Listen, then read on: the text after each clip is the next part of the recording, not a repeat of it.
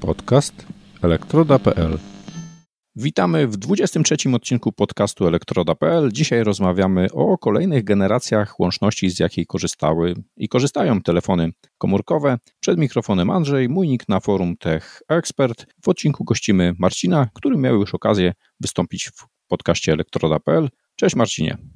Cześć Andrzeju, witam wszystkich.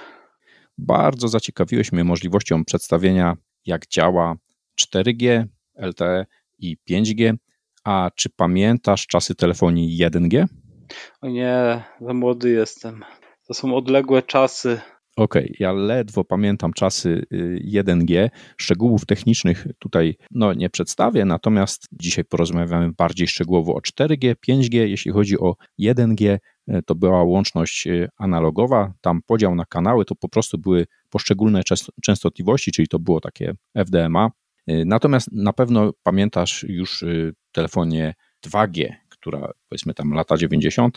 i to już były połączenia cyfrowe, charakterystyczne zakłócenia e, w urządzeniach audio, no i oczywiście pojawiły się wtedy SMS-y.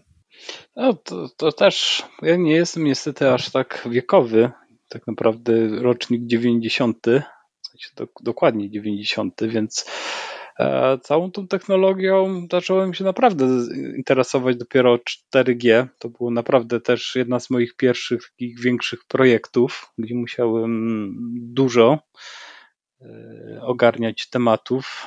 Cały ten stack technologiczny, bo to programowanie to jest jeden tylko z elementów, który jest potrzebny do zrozumienia i pracy przed takim przedsięwzięciem, takim projektem dużym. I przez prawie 6 lat pracowałem przy rozwijaniu 4G LTE. W przypadku 2G, y, no ja pamiętam dokładnie tą technologię, wtedy pojawiła się możliwość połączenia z internetem, wysyłania danych również przy pomocy łączności 2G. To był GPRS, to było jakieś tam kilkadziesiąt kilobitów na sekundę, później pojawił się Edge, y, to już były jakieś tam setki y, kilobitów na sekundę, strony WAP, nie www, no, takie początki. No oczywiście później pojawiło się 3G, UMTS, to już tam lata 2004, obecnie zresztą wyłączany standard. No i tutaj 3G to oczywiście był rozwój e, internetu, tam mieliśmy 2 megabity na sekundę, tam mieliśmy e, później 7 megabitów, aż z tego co pamiętam to były kilkadziesiąt megabitów, kolejne standardy HSPA, także no już kilkadziesiąt megabitów, to już się pojawiała taka możliwość mobilnego dostępu do internetu. Co ciekawe, ta łączność 2G to były też początki połączeń dla M2M, y, takie, taka zdalna obsługa maszyn. Mm, to często były alarmy, to były maszyny mm, sprzedające produkty. Mm, często wysyłały one SMS-y o swoim stanie, ale ze względu na to, że miały już możliwość również połączeń internetowych, więc pewnie też w późniejszym czasie było to wykorzystywane do telemetrii. Co ciekawe, ta wygaszana y, łączność 3G E, no oczywiście jest zastępowana, no, tak naprawdę zwalnia częstotliwości dla nowszych standardów, natomiast 2G nadal, nadal funkcjonuje, jeszcze pewnie jakieś tam maszyny się e, znajdą. No jest tak 1G, 2G, 3G, no i wszyscy wiemy już 4G, LTE to już były znacznie szybsze połączenia z internetem, e, ciekawe usługi multimedialne. Co możemy powiedzieć o LTE w szczegółach, jak wygląda komunikacja w tym standardzie? Cóż, tutaj muszę zaznaczyć, że jako, że temat telekomunikacji jest strasznie obszerny, to jest. E, nie, nie znam osoby, która by była w cały standard 4G nad poprzednie ogarnąć umysłem, ponieważ to trzeba powiedzieć, że to są połączone standardy, żeby wie, wielu producentów, różne firmy, które produkują, miały możliwość współpracy między swoimi produktami, ponieważ e, nie musi być cała sieć postawiona na jednym producencie, może być to mieszane, więc cały też e, rozwój telekomunikacji to było tworzenie tego wspólnego standardu. I to jest bardzo istotne i to dla mnie było fascynujące, że my tworząc tylko mały fragmencik, naprawdę jesteśmy w stanie być odizolowani od całej reszty dzięki odpowiednim interfejsom i po prostu to wszystko działało naprawdę. Nie było żadnych problemów. W sensie gdzieś tam pewnie się pojawiały problemy z uruchomieniem całej sieci, to są pewnie potężne, ale z naszej perspektywy, czyli moja perspektywa, czyli tak zwana L1, czyli warstwa fizyczna całego stosu technologicznego. Już niżej tylko były pisane sterowniki dla poszczególnych procesorów. Więc to ja przetwarzałem sygnał, który przychodził bezpośrednio z anteny. W sensie antena był dział e, radiomodułów, który otrzymywał sygnał. On tam swoje mambo jumbo musiał też zrealizować, e, gdyż tam bardzo dużo rzeczy związanych z relatywistycznym charakterem sygnału musiał kompensować pewne zmiany fazy i myśmy już otrzymywali sygnał, który był próbkami, próbkami liczb zespolonych. Czyli myśmy już byli po tej części kwantyzacji, odszumienia i myśmy już dostawali czyste próbki sygnału, czyli bez już y, nośnej, wszystko ładnie przygotowane. To jest właśnie ta warstwa L1, która przyjmuje te próbki i przetwarza. Mhm. I tutaj... Liczby zespolone to kojarzy mi się z takim odbiornikiem SDR, y, gdzie mam sygnały I oraz Q. Tak, to jest dokładnie co są właśnie sample EQ. Mhm. Tak. I taka antena, to rozumiem, że to jest, y, wiadomo, w telefonii komórkowej były stosowane anteny e, sektorowe, czyli mieliśmy pewien obszar e, pokryty zasięgiem takiej anteny, ale czy taka antena jeszcze dodatkowo zawierała więcej elementów? Jak to wyglądało? To znaczy, tutaj jest też ten problem, że rodzajów anten jest bardzo dużo. Tak naprawdę Dwie ciekawsze to są anteny kierunkowe, no to takie klasyczne, pojedyncza antena, ale też już LTE wprowadzało możliwość tych e, anten e, wymiarowych, tak, tych do MIMO, które pozwalały przesyłać dwa razy więcej danych dzięki już jakiejś macierzy anten. E, MIMO, czyli multi Input, multi-output to tak. pewnie typowe, jeżeli ktoś korzystał z modemów, które miały dwa wyjścia antenowe, to najczęściej te anteny gdzieś tam zewnętrzne zamontowane były przesunięte fizycznie, czy miały inną polaryzację? Znaczy, tutaj w tym wypadku chodzi o to, że każda antena może wysyłać odrębny sygnał. To jest dość złożony proces, tam jeszcze wariacji na temat MIMO, MIMO są e, różne. Może być single user, może być CISO, e, single input, single output, bo tam były wariacje na temat, że jedna antena może nadawać, ale może być odbierana przez dwie anteny. Wtedy na przykład mamy lepsze parametry sygnału, jakby mamy mniejszy wpływ e, z szumu ale też jest ta, taka ta wariacja taka najbardziej medialna, czyli dwie anteny i nadawcze i dwie anteny odbiorcze pozwalały nam na przesyłanie aż dwóch kanałów danych. One dzięki tym przesunięciom, często też e, wykorzystując odbicia od przeszkód i zastosowaniu dość złożonej matematyki, mogliśmy po prostu wyciągnąć z tych sygnałów, z pojedynczych jakby IQ sampli, mogliśmy rozdzielić ten sygnał na dwie, dwa streamy danych. Hmm, bardzo jest... ciekawe. Ja widziałem fizycznie, że te anteny na jakimś maszcie, że one są między sobą obrócone o pewien kąt. E, to prawdopodobnie to chodziło, bo tutaj też mówimy o celkach. Pojedynczy e, jakby stacja bazowa zbiera sygnał z bardzo wielu anten. I one są najczęściej kierunkowe. To nie jest tak, że to jest antena dookulna, tylko my mamy sektorową antenę, która pokrywa pewien teren. I to, co widzisz jako antenę, tą taką pionową, ona po prostu pokrywa jakiś teren. No i zaraz obok musi być obrócona pod innym kątem druga, żeby pokryć inny teren. Bo tutaj wydaje się ludziom, że ten sygnał może przenieść nieskończoną ilość danych. No, ona jest bardzo ograniczona. Tak naprawdę fizycznie maksimum takie fizyczne dla LTE to nie przekracza 300 mega 300 y, megabity na sekundę, wiesz, w porównaniu z 3G, gdzie miałeś kilkadziesiąt, no to, to, to był, prawda. to był znaczący skok. Tak, ale tutaj też to 300 liczymy dla na przykład modulacji QAM 64, e, dla MIMO 2x2 i konfiguracja dla LTE, tej takiej stacji bazowej tych anten, ona była ogromna. Tam mogła być e, przepustowość gorsza od 3G, e, bo mieliśmy też takie wariacje na pasmo 1,4 MHz, gdzie już e, no, ilość danych jest zdecydowanie dużo niższa. To może później opiszę, jak trochę ten mechanizm wyglądał. Mhm. Powiedzmy od razu, jeżeli mówimy o QAM 64, to mówimy o takiej, takiej modulacji, gdzie e, mamy możliwość przesyłania jednego z 64 symboli, czyli jeden tak jakby, jedna taka porcja danych, ten jeden symbol, i to jest naraz kilka bitów przesłane? Tak.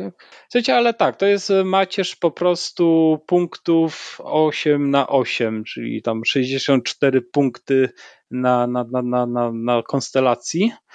I tak, to jest problematyczne, bo te, zagęszczenie tych punktów jest bardzo duże.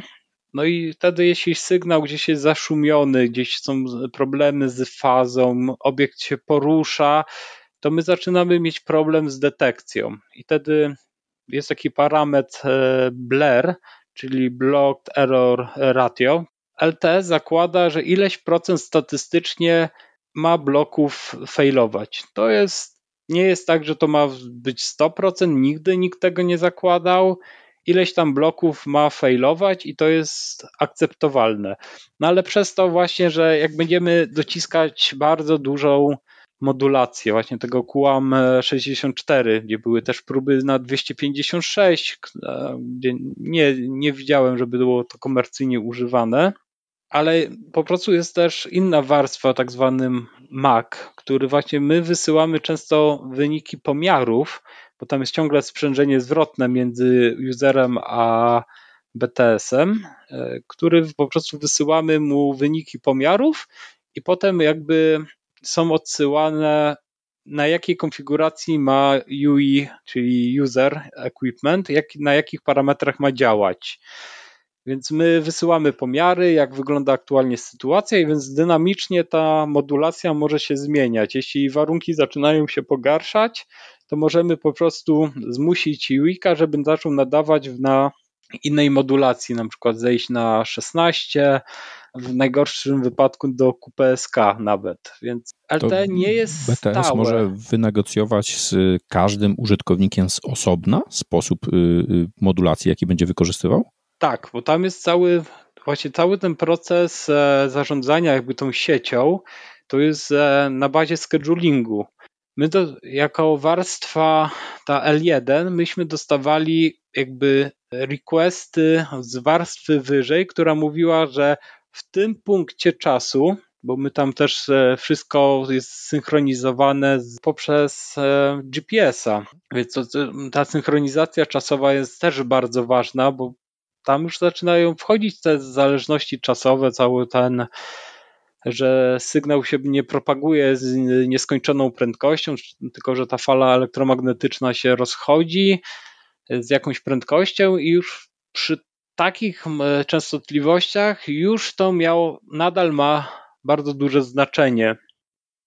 Po prostu, jeśli obiekty się poruszały, to mieliśmy scenariusze dla high speeda, gdzie te pociągi bardzo szybkie, poruszające się powyżej tam 300 na godzinę, już stawały się pewnym problemem i trzeba było uwzględniać już ten parametr poruszania się, ten efekt Dopplera.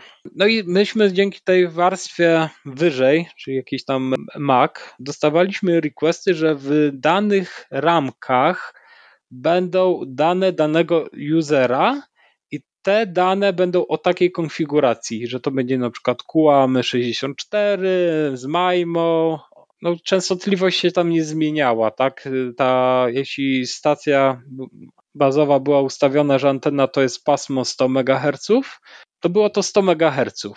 I to się na przykład nie zmieniało, no ale ilość e, resource bloków, jakie otrzymywał user, gdzie one się znajdowały, myśmy to wszystko dostawali jakby w czasie rzeczywistym i myśmy to pasmo, które przychodziło, porównywaliśmy do tego requesta i na bazie właśnie tego requesta wyciągaliśmy poszczególne dane.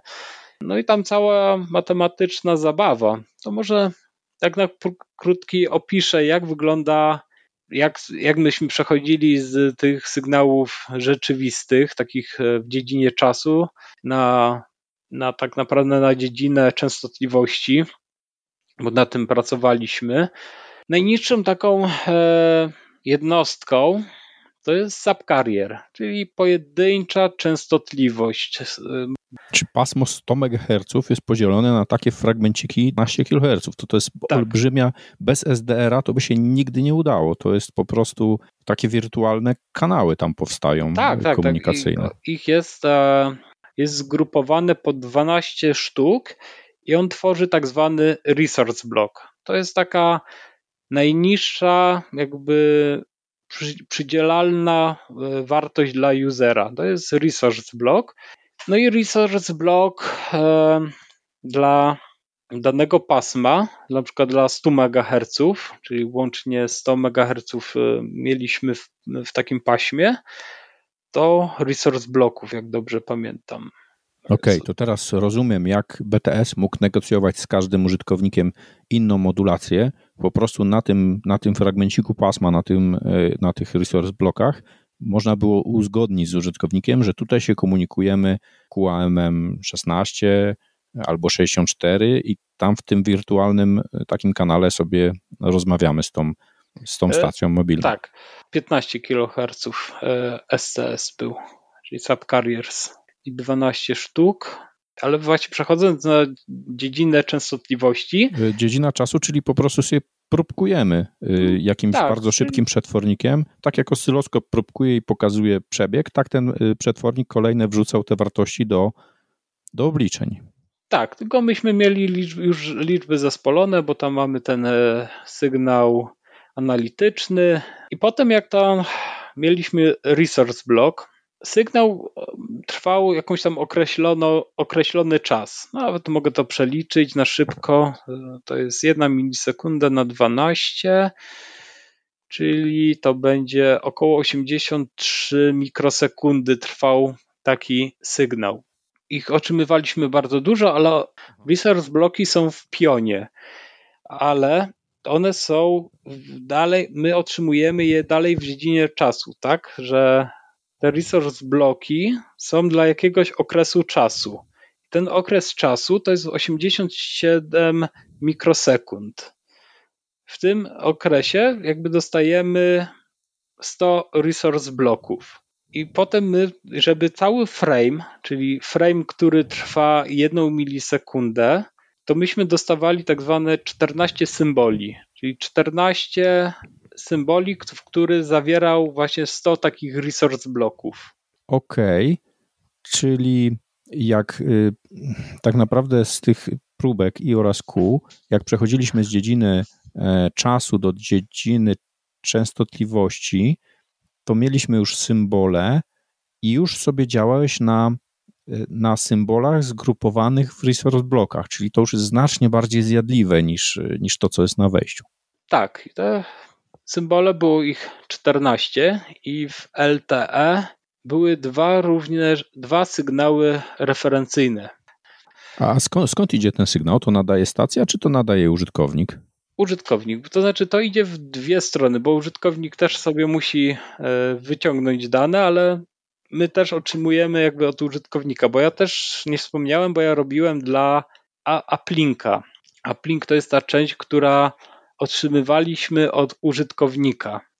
Tak jakby upload od strony użytkownika, myśmy to otrzymywali i myśmy to właśnie dekodowali. Oczywiście jeszcze też downlink, który po prostu wysyła dane już do użytkownika.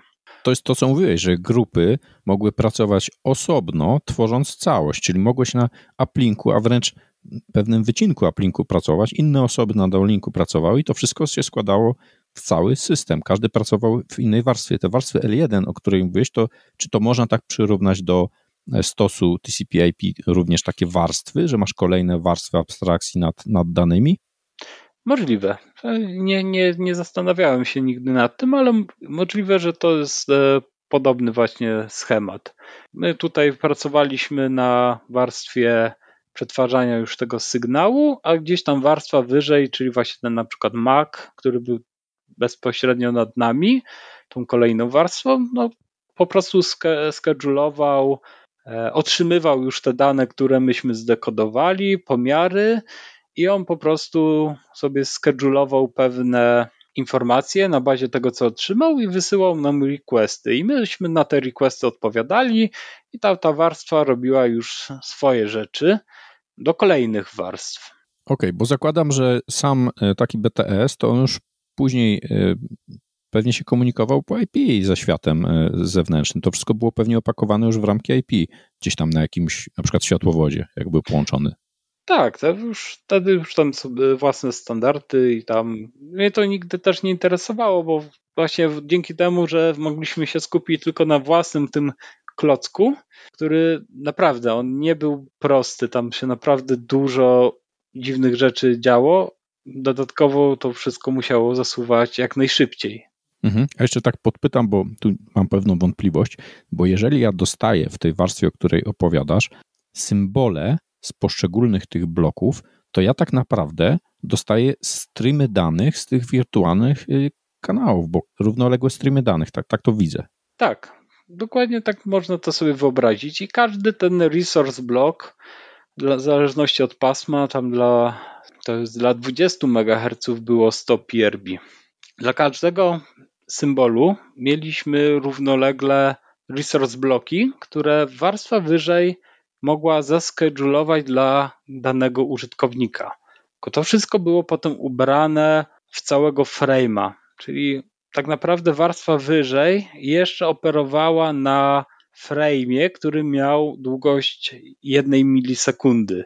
Więc oni nam jakby operowali na poszczególne frame'y, a myśmy dostawali po prostu ciąg, co jakiś czas dostawaliśmy paczkę PRB w symbolu. I myśmy sobie liczyli, które to są symbole, bo każdy symbol zawierał jakieś różne dane. Potem tam jeszcze te pierbiki dzieliły na, na różne wartości. Na przykład pierbiki od, od 0 do 5 na przykład miały specjalny kanał, na przykład PUK, który był jakby kanałem kontrolnym, właśnie pomiarowym. I myśmy dzięki temu wysyłali, bo tak jak większość pasm, te takie graniczne pasma są troszkę gorszej jakości, bo to już jest gdzieś na granicy gardbandu, już e, mogą przenikać w inne pasma, większe zakłócenia. Więc e, dane, czyli kanał push, e, był raczej ulokowany na środku danego pasma. I też to nie było tak, to jest tylko teoria, że wszystkie PRB-ki były zaalokowane na, na dane. Tam właśnie dużo jeszcze było takich kanałów jak Pracz, który pozwalał na wdzwonienie się UIKA do całego systemu. To jest bardzo ważne, że ten system jest, nie działa synchronicznie, tylko to musi wszystko zadziałać asynchronicznie, więc user mógł w każdej chwili, w każdym momencie tego czasu, w dziedzinie czasu, mógł się próbować wdzwonić. Właśnie myśmy tam mieli te sygnały zadowczu, ale na pewno w kanale Pracz był wysyłany właśnie e, sygnał zadowczu z pewnym cycling prefiksem, który, czyli z przesunięciem fazowym tego e, sygnału, żeby było można odróżnić jakiegoś usera od innego. Tam było ileś predefiniowanych przesunięć fazowych i user sobie losował, że on sobie wybiera wiem, przesunięcie numer 13, generował dane sekwencję zadowczu i wysyłał świat i mając nadzieję, że ktoś to odbierze i odpowie mu. Tak. Czyli w paśmie, w którym nasłuchuje BTS, są niejako, nazwijmy to, zmarnowane pewne częstotliwości, które są tylko dla tych kanałów pracz, które tylko nasłuchują nie, na to nie, połączenie? Nie, pracz, pracz mógł pojawić się w każdej chwili i to jest też ciekawe, bo pracz właśnie był sygnałem ortogonalnym. Myśmy zawsze poszukiwali tego pracza. No w każdym symbolu szukaliśmy, czy nie ma pracza. Po prostu była zawsze sprawdzona korelacja, czy go nie ma bo on właśnie mógł być zawsze. To jest też właśnie ten problem, że tam mnóstwo rzeczy się działo.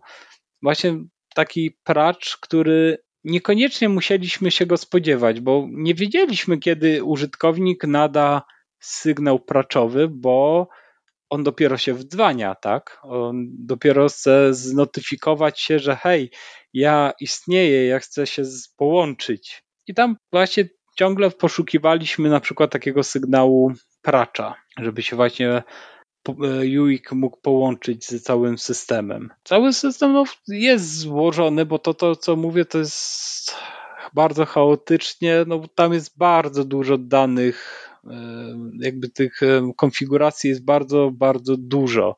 Tam też potem przychodziły takie możliwości, żeby sygnał referencyjny, żeby sygnał okroić sygnał referencyjny.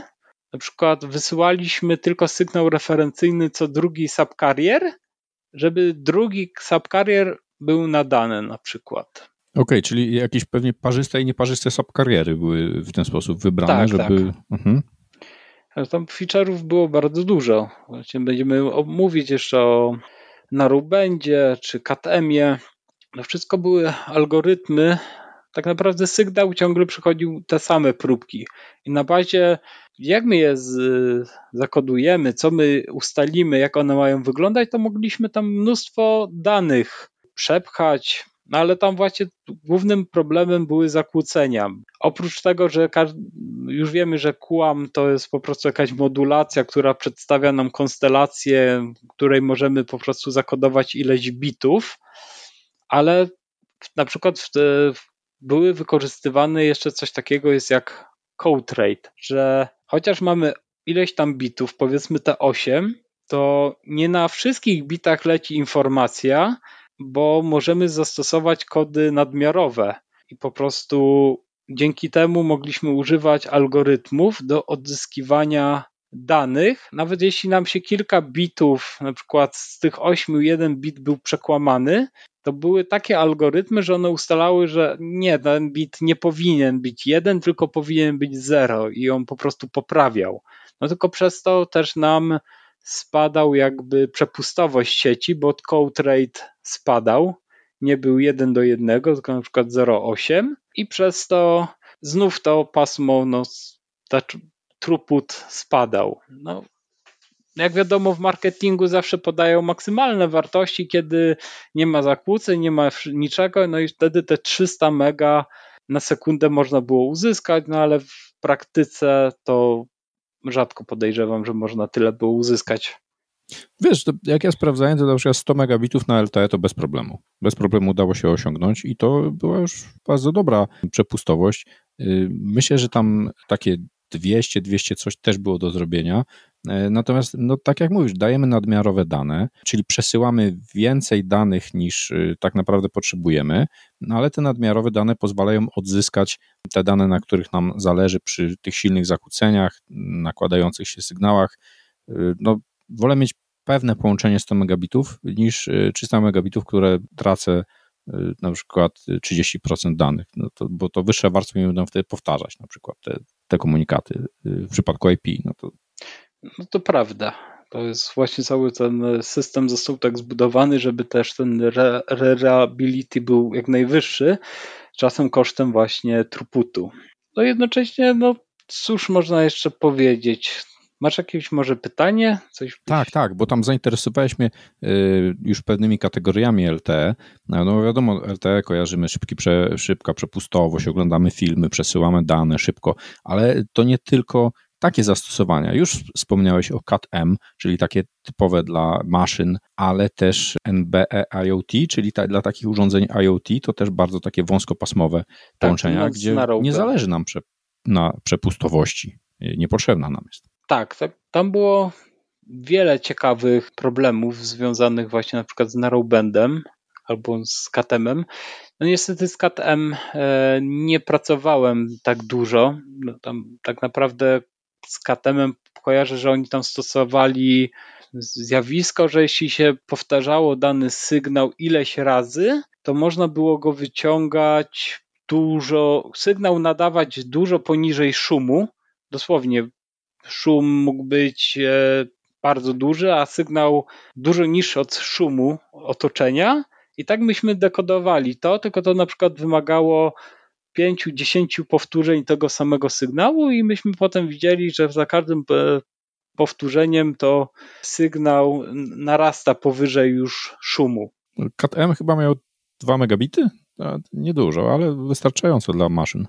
No tak, no pewnie też bardzo z dużym jakby delayem, bo to z, z lagiem, bo to mówię, te powtórzenia, to wszystko mogły mieć większe problemy. Ja bardziej pracowałem przy LTE. LTE to też jest tak ciekawa technologia, że oni jeszcze próbowali dopchnąć kolanem dodatkowe pasmo, bo jak to samo mówi, to jest narrow band, czyli to taki wąski pasek i on miał kilka konfiguracji. Jednym był e, inband, że narrowband był wewnątrz pasma normalnego i on tam nie różnił się zbytnio od innego sygnału, tyle że to był dedykowany, że to jest narrowband i on sobie w tych PRB-kach normalnie siedział. E, tylko on był na przykład mało jakby skedulowano mało danych.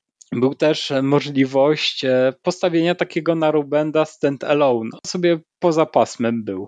Ale dla mnie najbardziej ciekawa to była wersja guardband, czyli jak mieliśmy pasmo na przykład tych 100 MHz, to mogliśmy dopchać kolanem w tak zwanych guardbandach, czyli pasmach, które mają przydzielać jeszcze inne pasma, które mogą być w okolicy. Na przykład jak ktoś nadaje na, na tych 2 GHz, no to tam kolejne pasmo jest oddzielone jakimś tam niedużym pasmem. I właśnie narrowband mógł być wysyłany w tym paśmie jakby takim zabronionym, takim tym guardbandzie. I to było bardzo ciekawe, bo to zwiększało jakby przepustowość jeszcze dodatkowo tej sieci. Pamiętam, że problemem dla narrowbanda był musiał mieć przerwę, takie było założenie, że on musiał mieć po jakimś czasie przerwę w nadawaniu na jakiś taki gap, na taką dziurę mieć. I tak aż kiedyś się zdziwiłem, że czemu ileś tam razy możemy właśnie tych frame'ów nadać, a po pewnym czasie musi być przerwa. No i się okazało, że właśnie te urządzenia narrowbandowe e, nie wysyłają ciągle sygnału i one potrzebują przerwy, bo one się przegrzewają. Po prostu. Ciekawe to, tak to było tłumaczone, że on musi mieć po prostu przerwę, żeby te urządzenia się schłodziły, bo to wszystko upchane bardzo ciasno. Nie wiem, czy to prawda. Nigdy nie sprawdzałem od strony usera, e, jak to wygląda taki e, narrowband na jakimś e, chipie, ale tak to było tłumaczone, że nie możemy nadawać non-stop, nie może być to ciągła transmisja, ponieważ te urządzenia mogą tego nie wytrzymać. Urządzenia nadają tylko wtedy, kiedy potrzebują. A potem ja ich myślałem, że to też jest ciekawa rzecz, że jak on tak nadaje i później jest przerwa, to też może być taka synchronizacja i szansa na to, żeby może te urządzenia NB IoT wtedy nadały w drugą stronę na przykład. Jest to możliwe, że też będzie zależności. Znowu, kolejna możliwość do konfiguracji to hmm. jest tryb pracy, bo możemy pracować w TDD, Time Szczeliny Division czasowe, nie? Duplex, że w TDD to jest jakby wysyłanie, nadawanie i odbieranie jest przedzielone w dziedzinie czasu, tak? Że przez jakiś czas nadajemy, a przez jakiś czas odbieramy. Czyli taki nie mamy full duplex, tylko musimy czasowo przerzucać się.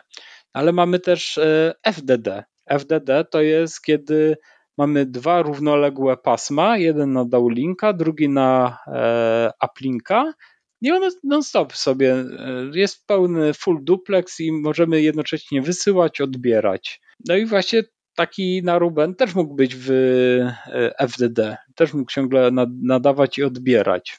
Więc taka gdzieś tam była ciekawostka, kiedyś taki problem mieliśmy, bo właśnie musieliśmy wygenerować testy. Testy się generowało w MATLABie, gdzie tam były też problemy z ilością pamięci, długością.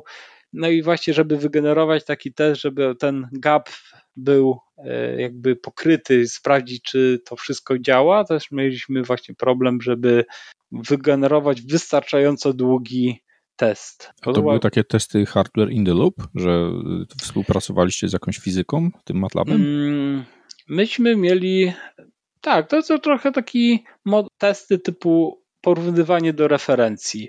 Braliśmy nasze algorytmy, I tutaj jest też ważne, że nie test, mieliśmy testy takie, co się potem odpalały na jakieś na x86 i zwykłe unit testy, które leciały i były porównywane do referencji, ale to często się nie sprawdzało z przyczyn już e, dokładności obliczeń, bo jednak x86 sobie troszkę inaczej liczy z inną dokładnością niż e, docelowy target. I myśmy musieli też e, robić całą mechanikę, że puszczaliśmy teoretyczny sygnał, czyli podawaliśmy maszynie te IQ sample i myśmy to karmili nasz e, target, tak jakby udawaliśmy, że normalnie nadajemy i on sobie tam przetwarzał te dane tak jak miało być, udawaliśmy, że jesteśmy MacPS-em, wysyłaliśmy requesty i, no, i nasza maszyna potem wypluwała output, że to zdekodowała albo nie zdekodowała i myśmy potem ten output porównywali do referencji. A tej referencji było dużo.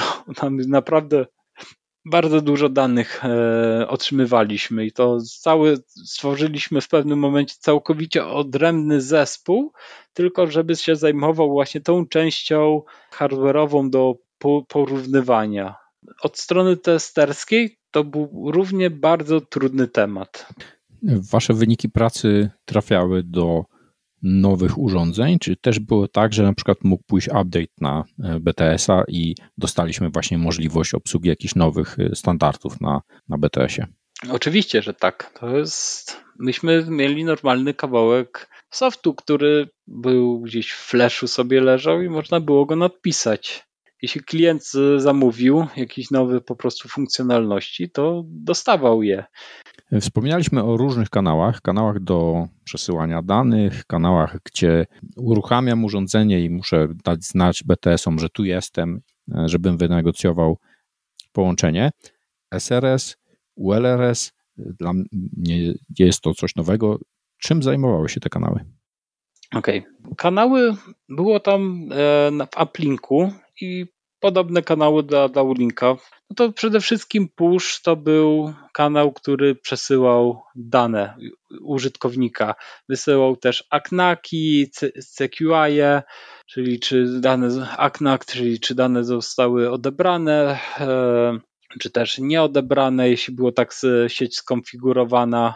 Kanał PUK to był szczerze kanał już taki troszkę z danymi kontrolnymi, czyli też również mógł wysyłać Aknaka, również CQI i reportował również e, scheduling. Tam po prostu to już był kanał kontrolny i on bardziej był warstw, dla warstwy Maca niż żeby UX się tym przejmował. Czyli takie dane kontrolne. No, kanał praczowy, to już też omówiłem, to jest taki random access, e, gdzie wysyłaliśmy te preambuły, czyli te sekwencje zadowczu i użytkownik i on pozwalał nam się wdzwonić. Dodatkowo właśnie ten sygnał, kanał ten sygnałem referencyjnym, czyli tak zwany Sounding Reference Signal, czyli SRS, to był właśnie sygnał, który pozwalał nam e, stwierdzić jakość sygnału, bo my wiedzieliśmy, jak ten sygnał ma wyglądać, i dzięki niemu, jak go dekodowaliśmy, czyli przenosiliśmy na płaszczyznę tą konstelacji, czyli takiego kułam, to myśmy wiedzieli, jak on ma wyglądać. I jeśli on nam przestawał wyglądać ładnie, czyli na przykład był przesunięty, krzywy, gdzieś tam poszczególne e, punkty były od siebie poddalane, przybliżane, to myśmy mogli wprowadzać korekcję sygnału. Ale tą korekcję sygnału nie wprowadzaliśmy tylko dla tego referencyjnego, ale myśmy jakby filtrowali przez niego cały sygnał. Więc nawet jeśli sygnał był zakłócony, to dzięki temu sygnałowi referencyjnemu mogliśmy stwierdzić, jeśli te e, zakłócenia były liniowe i one się, a to niekoniecznie była prawda, bo jak mówiłem, e, efekty e, relatywne, czyli to, że sygnał jednak się porusza z jakąś prędkością, to nie oznaczyło, że dla tego samego punktów w czasie, gdzie był ten sygnał referencyjny, że tam dwa symbole wcześniej były identyczne. I to też musieliśmy uwzględniać. Ale to bardzo mocno pomagało po prostu nam dekodować sygnał, bo myśmy nie zakładali, że ten sygnał będzie zawsze idealnie jak od linijki tak samo wyglądał, bo takie od linijki to są na fazie początkowej teoretycznej, jak się to wszystko buduje, a potem właśnie myśmy w, teorii to też ten sygnał referencyjny był dodany właśnie, bo oni też zakładali, że będą zakłócenia, które często są nieprzewidywalne. I tak z grubsza to mieliśmy właśnie te takie cztery e, kanały. Właśnie ten do przesyłania danych, e, danych kontrolnych, sygnału referencyjnego, no i do danych do dostępu do sieci. Y, wspomniałeś, że podczas testów y, inaczej się to liczy na x86, a inaczej się to policzy na BTS-ie. Co tam siedzi? Co jest silnikiem, który to liczy? Czy to jest jakieś FPGA, czy to jest jakiś mikrokontroler, czy, czy co to za system to oblicza? Na tym projekcie, którym ja pracowałem, to pracowaliśmy na sprzęcie od Texas Instrument C6000 architektura. To sprzęt, który został stworzony no, tak do ogólnej troszkę takiego już DSP, takiego poważniejszego DSP, bo to już nie jest mikrokontroler, tylko faktycznie cały procesor DSP, który miał architekturę Very Large e, Instruction Word i to jest, e, charakteryzuje się tym, że mamy procesor superskalarny i on może wykonywać bardzo wiele obliczeń równolegle.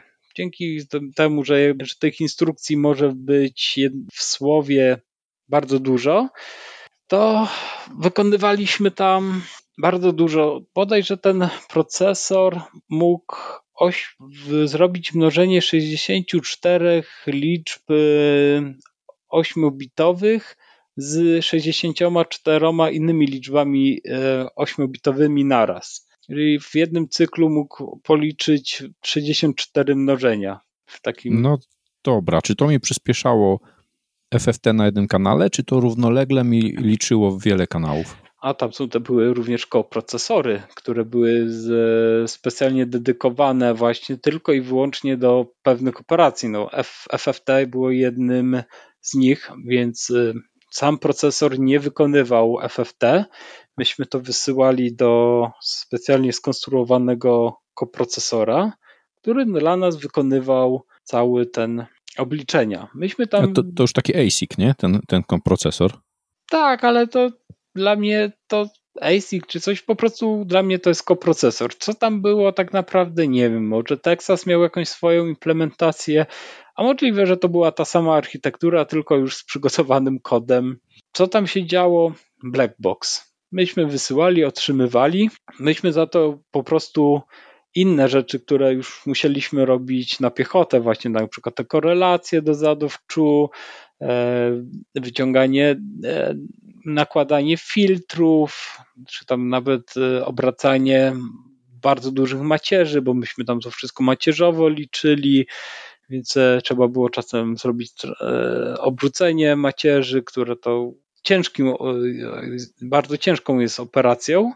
I myśmy to wszystko optymalizowali pod daną architekturę, ponieważ nie pisze się kodu, to znaczy spotkałem się z podejściem do 6000, że piszą normalny kod z jakimiś tam kernelami, tylko że my tu mówimy o jednej milisekundzie, gdzie przetwarzanie nie mogliśmy zacząć od pierwszego już symbolu, jaki otrzymaliśmy, tylko musieliśmy mieć jakiś zestaw danych, najlepiej wszystkie dane, i na przykład my na odpowiedź e, na request mieliśmy pół milisekundy. Czyli zrobienie dwa razy FFT, znalezienie e, pracza, znalezienie po prostu obliczenie tego sygnału referencyjnego i nałożenie na pozostałe sygnały tego sygnału, e, z, zrobienie tych, tych kodów nadmiarowych, czyli przejście z soft bitów na hard bity, myśmy mieli pół milisekundy. Ale to co, chcesz mi powiedzieć, że to bare metal był? To było bez y, jakiegoś RTOSa? To znaczy tam był, tam był taki quasi RTOS. To był taki RTOS wspomagany hardware'owo, że mieliśmy hardware'owe kolejki, które de facto to działało jak RTOS, tylko był bardzo mocno wspomagany właśnie na przykład schedulowanie tasków był bardzo mocno wspomagany hardwarem, żeby nie obciążać procesora, to było wszystko napisane na dodatkowych koprocesorkach, na całym hardwareze i myśmy mieli jakby hardware'owe wsparcie do kolejek. Czy w zasadzie ten kod był taktowany przychodzącymi danymi requestami i musiałeś się wyrobić w czasie na odpowiedź. Tak, no tam przerwania były. Dla mnie to był bardziej bare metal niż RTOS. Podejście kolejkowe nam ułatwiało synchronizować wykonywanie kolejnych operacji, więc e, wrzucaliśmy na kolejkę, potem ściągaliśmy poszczególne e, zadania i je wykonywaliśmy. A jak na BTS-ie działo się coś y, dziwnego, to w ogóle była szansa na jakiś debug, zrzucenie logu, czy to wszystko laboratorium y, pozwalało na takie testy? Nie, no oczywiście, to znaczy różne były możliwości. Mogliśmy z pola ściągać, no ale z pola, jak to wiadomo, klient nie chce mieć sprawny produkt, więc często reprodukcja była zgłaszana do laboratorium. Labora laboratorium próbowało skonfigurować urządzenie w podobny sposób jak klient, testować, czy y, problem się też będzie reprodukował. Jeśli się reprodukował, to dla nas było to komfortowe, bo łatwiej jakby przerywać pracę w laboratorium urządzenia i wysyłać e, dodatkowe konfiguracje. No a czasem bezpośrednio u klienta wysyłaliśmy jakieś e, takie buildy, e, gdzie zbieraliśmy dane po prostu robiliśmy jakieś mambo jumbo, żeby zebrać odpowiednie dane, które nas interesują. I to było jedne z trudniejszych zadań, ponieważ w testy wszystko działa, a klient mówi, że coś mu nie działa, na przykład y, Blair mu podskoczył. To też nie były takie bugi, że wszystko się wysypywało i nic, wszystko umierało i, i była tragedia. No, często to były właśnie takie rzeczy typu że truput spada w pewnych warunkach, na przykład jest wysoki, wysoki, wysoki i nagle spada. No i nagle dlaczego spada, jak użytkowników jest tyle samo, wszyscy chcą oglądać YouTube'a, dlaczego? No i takie dostawaliśmy pytania i cały ten system trzeba było znać, pytać się pierw o konfigurację, jaka to jest konfiguracja. Też jak gdzieś ktoś się śmiał, to myśmy byli na samym dnie całego chaina rozwiązywania problemów. Pierwszą tam najwyższa warstwa, myśmy byli na końcu i jak gdzieś tam było to określone, my jesteśmy najniżej i, i rozwiązujemy problem najdłużej. No bo ta analiza problemów, zbieranie tych próbek, e, często e, zaglądaliśmy do modelu matematycznego, tak? Myśmy brali te próbki fizyczne z, z pola wkładaliśmy w model matematyczny, oglądaliśmy te konstelacje PRB po PRB-ku, oglądaliśmy, patrzyliśmy dlaczego, czy one jakoś krzywo wyglądają, czy wszystko jest z nimi w porządku. Ja też teraz tak cały czas się zastanawiałem nad tym, co mówisz, że się mogą przegrzewać. To jest możliwe w tym na będzie, gdzie robią te przerwy, bo na przykład była optymalizacja pod kątem wielkości obudowy, i tak sobie to wymyślili. Natomiast ja tak myślałem jeszcze pod kątem tego, tych przerw na dawaniu, może chodziło o to, że w IoT była bateria i na przykład kondensator. Ten kondensator był naładowany, pozwalał na przykład na transmisję przez określony czas, a później musiało być stop i takie urządzenie na przykład ładowało ten y, kondensator i nie wpływała na to na przykład rezystancja wewnętrzna baterii. On mógł nadawać silny sygnał przy być może już rozładowanej baterii dzięki temu kondensatorowi? Czy to takie coś mogło być tam zastosowane? Jest możliwe, bo tutaj, jak mówiłem, e, urządzenia nie nadają ciągle sygnału. To jest e, szkoda energii na ciągłe nadawanie e, kariera, więc to urządzenie jest to szansa, że to było bardzo na przykład energetycznie zasobożerne, energożerne, więc ono mogło przez jakiś czas wysyłać te dane, a potem na przykład właśnie ten kondensator odsprzęgający po prostu e, mu nie dawał rady, albo faktycznie ta obudowa, bo to jednak wszystko w jednym soku. Jak ja osobiście widziałem to urządzenie, na którym robiłem, to to był kawał stali, powiem szczerze. To były bardzo ciężkie urządzenia. To był sam, praktycznie sam radiator. Żeby to w trybie ciągłym nadawało, to te procesory, on, bardzo one dużo energii yy, pochłaniały. One, to był kawał aluminium po prostu. Bardzo, I to jeszcze tyle tego aluminium było, że to było bardzo ciężkie. Zainteresowało mnie, jak opowiadałeś o debugowaniu, czyli przeglądaniu po, poszczególnych e, komunikatów. E, na przykład tak jak sieciowiec przegląda w Wiresharku poszczególne pakiety, no to zwraca uwagę, co to jest za, jakie tam pola są, jakie dane są, czy była odpowiedź na ten pakiet, jakiego rodzaju, patrzy bardziej na dane, a ty patrzysz jeszcze na to, czy sygnał jest krzywy, czy coś się na niego nakłada, i jeszcze patrzysz na tą fizykę sygnału, gdzie tak, to, jest... to jeszcze bardziej komplikuje. Tak, do, dlatego myśmy byli nazywani nie tyle co software developer, co hard real-time software developer. Było bardzo ciekawe, to jest nadal jest mega ciekawe. 5G to tylko jeszcze podnosi poprzeczkę, a nie ułatwia. No, no tak, ale... bo mówiliśmy o 4G LTE, które jest bardzo wygodne, a jak widzimy pod spodem jest ukryta bardzo złożona maszyna matematyczna i w zasadzie to, co opisujesz, to mi przypomina bardziej taką maszynę stanów, y, że musicie bardzo szybko reagować. A jak to wygląda w 5G? Co tutaj y, się nam rozwija i co nam to daje? Mhm. Piąta generacja. Piąta generacja nam dodaje do LTE trzecią potęgę. Nie jest to matematycznie, bo o właśnie, nie powiedziałem, bo ty mówiłeś o FDM to tak. pierwsza generacja korzystała z podziału na częstotliwości. No i to, nadal to, co opisywałem, to nadal jest podział na częstotliwości, tylko że teraz jest przedrostkiem O, OFDM, czyli or, sygnały ortogonalne, bo z tego co kojarzę, te starsze, one musiały mieć spacing między poszczególnymi częstotliwościami. To to mówiłem, 15 kHz subcarrier, no my przeskakujemy kolejną częstotliwość co 15 kHz, gdzie podejrzewam, że w starszych musiał być jeszcze większy przeskok. Ponieważ jak zobaczymy na amplitudę takiego sygnału w, w dziedzinie częstotliwości, to dzięki OFDM możemy je ściaśnić i one mogą na siebie się nakładać. Nie tak w pełni nakładać, tylko widać, że te takie e, listki boczne e, po FFT, one są praktycznie nakładają się na siebie na kolejne sygnały, tylko to jest wszystko właśnie tak zrealizowane matematycznie, że to nie przeszkadza w dekodowaniu. Więc LTE też wprowadziło właśnie to ortogonalne FDM, i że możemy ten sygnał ściaśnić, że w 20 MHz mamy 100 PRB, a nie na przykład 20. Y, y, a 5G nie wprowadza takiej rewolucji matematycznej. 5G rozwija jeszcze bardziej LTE.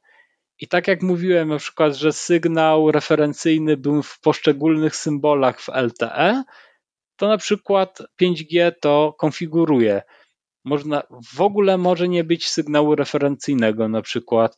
Na przykład jest założenie, że urządzenie się nie porusza i on nie potrzebuje sygnału referencyjnego, bo my wiemy jaki będzie sygnał, wyślemy tylko w jakimś tam jednym frame'ie dużo wcześniej, a będziemy wysyłać raz na sekundę referencyjny, żeby zobaczyć, czy się nic nie zmieniło i może być tylko raz na, na sekundę e, sygnał referencyjny, bo taki będzie konfiguracja Albo w drugą stronę. Chcemy więcej. To może być na Frame'a 4.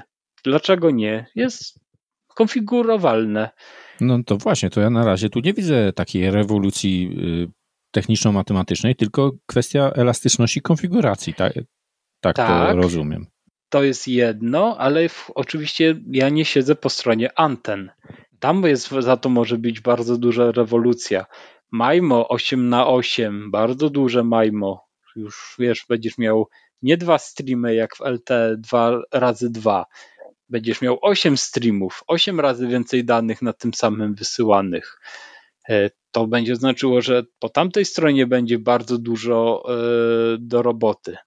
Pasmo zwiększone do 100 MHz też będzie wymagało jakby innych, e, też subkariersy idą do góry, tak? tutaj się ten chwalą, 50 GHz 5G. gdzie to wszyscy nagle oszaleli, bo 5G ma być na 50 GHz i, i ludzie myślą, że to jest taki standard. Nie, 5G de facto będzie dalej korzystał z tych samych pasm co LTE, ba, wręcz to jest, e, jest konfigurowalne. Można przesyłać dane na przykład podzielone. Można, będzie można przesyłać 50% danych przez LTE, a resztę przez 5G. Tak na warstwie wyżej tej sieci. To jest kolejny parametr e, do konfiguracji, i tam potem w przyszłości oczywiście to 5G będzie, będą nowe hardware'y, tak? Te pasma będą zwiększone i faktycznie będzie pozwalało na wysyłanie większej ilości danych. Tam też taki feature wchodzi, co LTE też był opisany to się nazywa Short TTI, czyli krótsza ramka. Bo jak wspominałem, normalnie ramka ma jedną milisekundę i, w, i tam jak, jak jest opisany ten 5G, taki trójkąt jest pokazany i tam z jednej strony jest re, reliability, tam speed, e, prędkość, że tam odpowiedź, delaye będą malutkie, no właśnie tam będzie wprowadzone ramka 500 e, mikrosekund i to, że będzie dużo szybciej to wszystko można było przesyłać. Czyli dwukrotnie y, pół milisekundy, tak?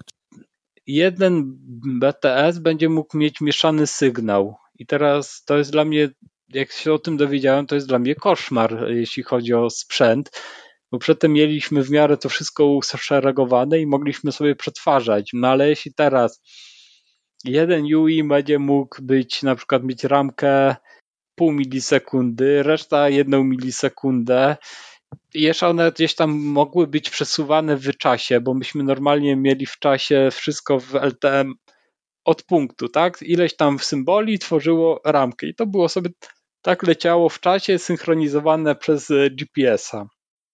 Teraz nie. UX będzie mógł sobie nadawać początek ramki w każdym momencie.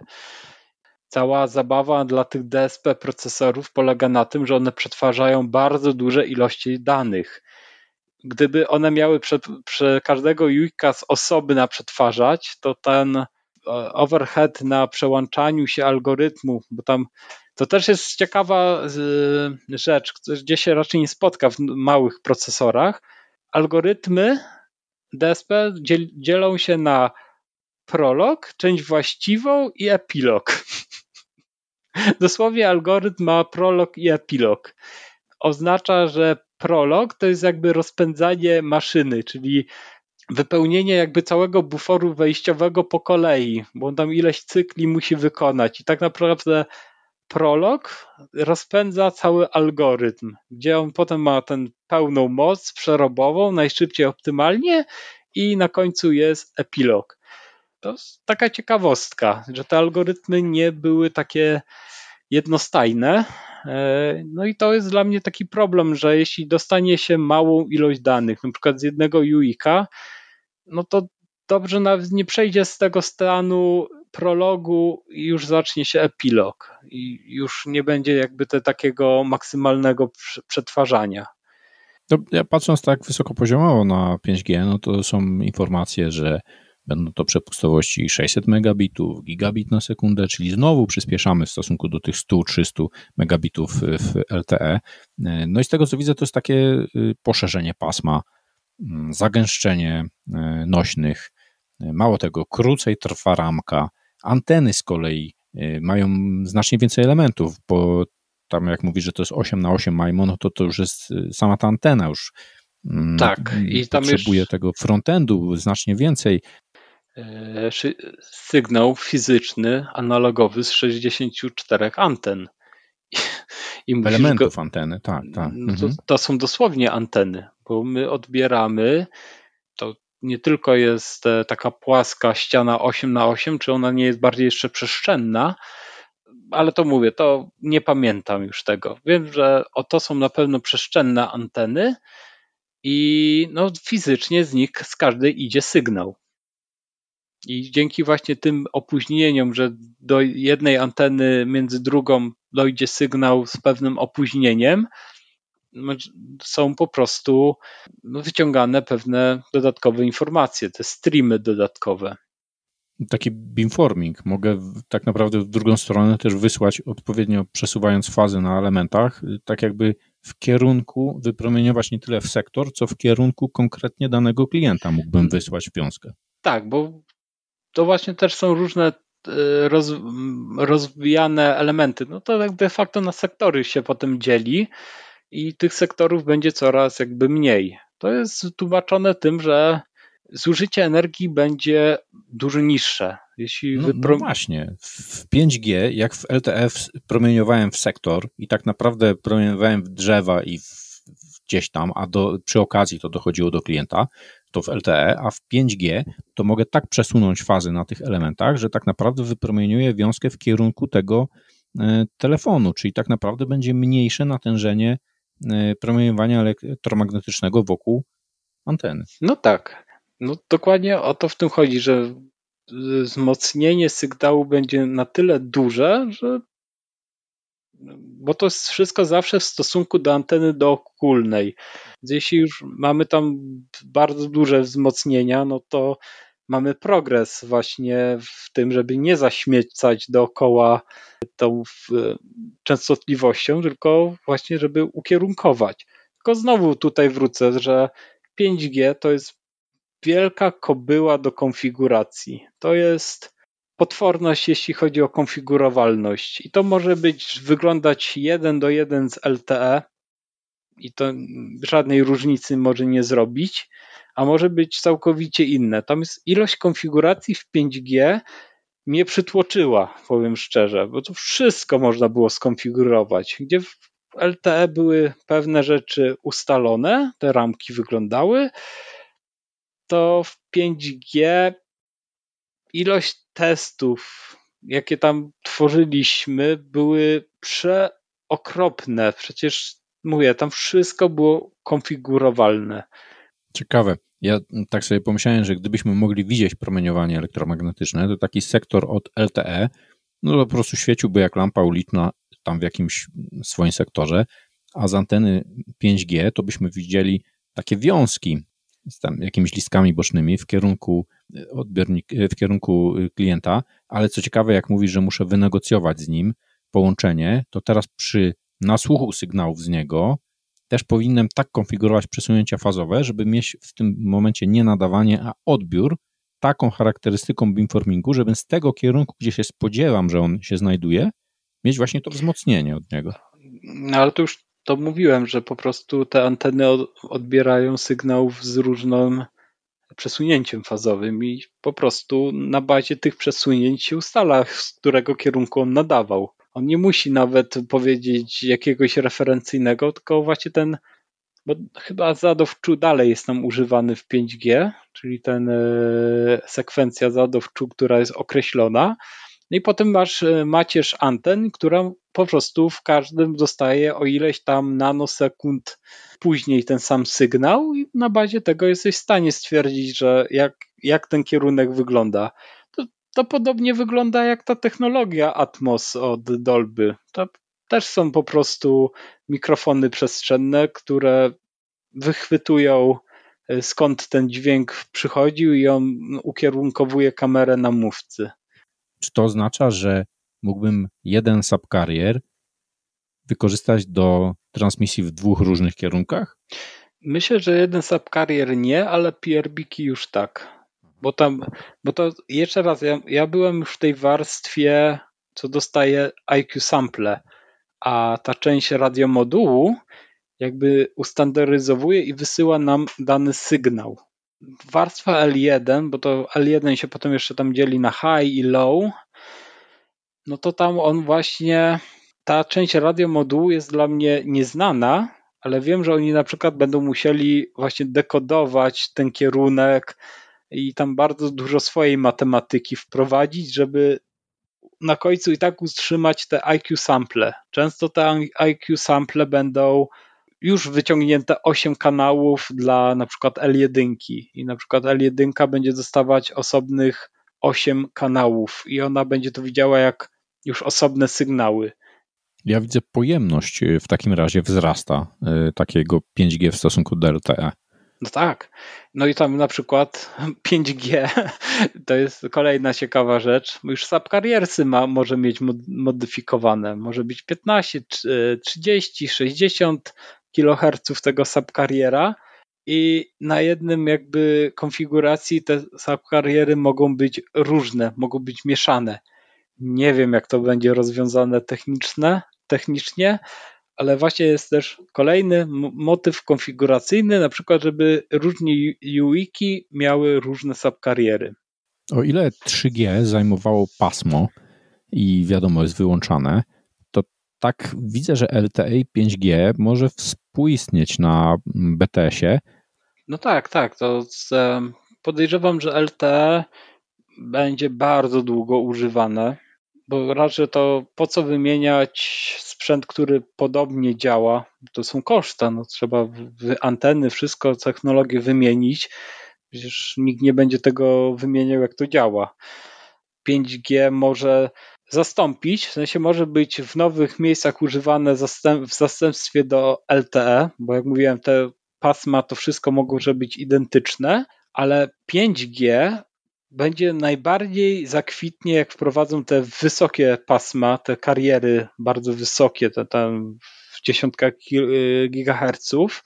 Tylko, że tam jest problem, zaczyna się, że zasięg takich e, anten, które już mają te takie dziesiątki gigaherców, one są bardzo, mają bardzo niedługi zasięg. To będą setki metrów, gdzie LTE były takie feature'y, gdzie abstrakcyjnie można było pokryć do 100 kilometrów, to te wysokie e, subkariery no, w 5G nie będą pokrywać wielkich przestrzeni.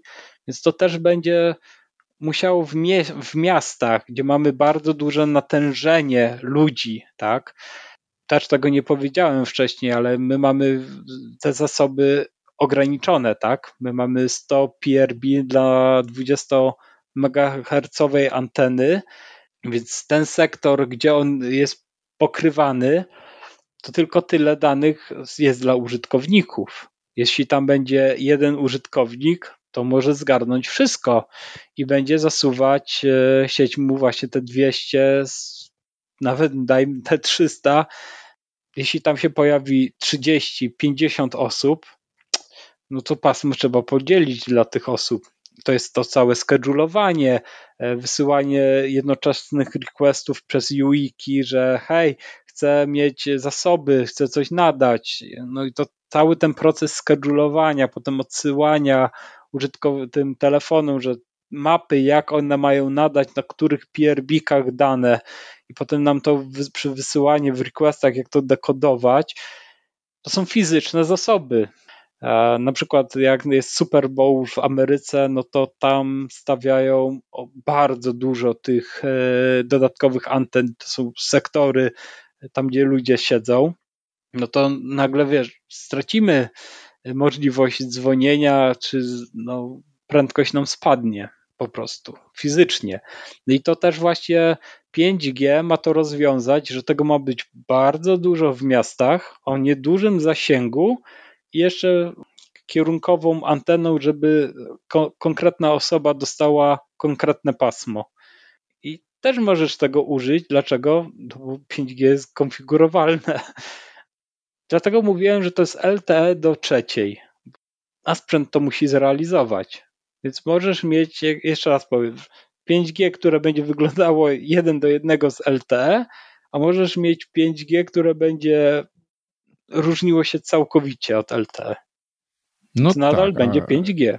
To, no właśnie, to czyli to, to, to, co wspominałeś, że LTE będzie długo utrzymywane, bo ten sprzęt do 5G może dalej wspierać rozwiązania LTE, natomiast na takim stadionie, w jakiejś galerii handlowej, jeżeli zastosuje te wyższe pasma, wiele anten o małym zasięgu, no to znikają mi te hotspoty, bo okazuje się, że na przykład mam tam 100 komórek na przykład na piętro, no i ludzie nie są w stanie zatkać wtedy e, takiej infrastruktury, mm, no bo te kanały e, PRB są mm, w zakresie jednego takiego małego BTS-a.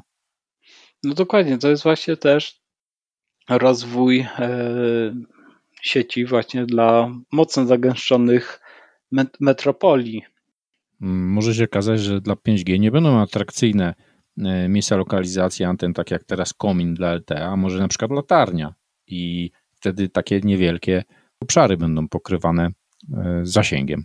Tak, de facto z punktu widzenia fizycznego, takiego fizycznego, to, to, to jest nadawane, no nie róż, są różnice z LTE, ale to jest nadal ta sama technologia, ona jest rozwinięta. No 6G będzie dopiero rewolucją, bo nowa matematyka tam będzie wchodziła. Hmm. No już zastanawiam się, jeżeli tak gęsto będą te BTS umieszczone, y, no to BTS-y muszą się też komunikować z siecią. I jak doprowadzić do nich szybkie połączenia? Czy to będzie światłowód, czy to będzie jakieś radio? Bo tego już nie wiem. To już są rozwiązania infrastrukturalne i to ja siedziałem tylko w L1. Takim standardem, kto każdy może sobie pójść, to jest na przykład ORAN. I każdy może sobie otworzyć sobie zobaczyć, jak te, te tam warstwy wyższe, czyli już te na poziomie TCP/IP wyglądają. 5G, 4G jest otwarte, dlatego ja mogę to o tym wszystkim mówić, bo to nie są feature'y związane tylko z jedną firmą, tylko to jest zbiór feature'ów stworzony. Macie tutaj wszyscy, ktokolwiek chce, macie, to tak ma wyglądać. Jest cała dokumentacja, bardzo dużo dokumentacji. No i realizujcie to. Jak myślisz, 5G, 6G ma szansę wyprzeć y, dostawców internetu po światłowodzie, po kablu?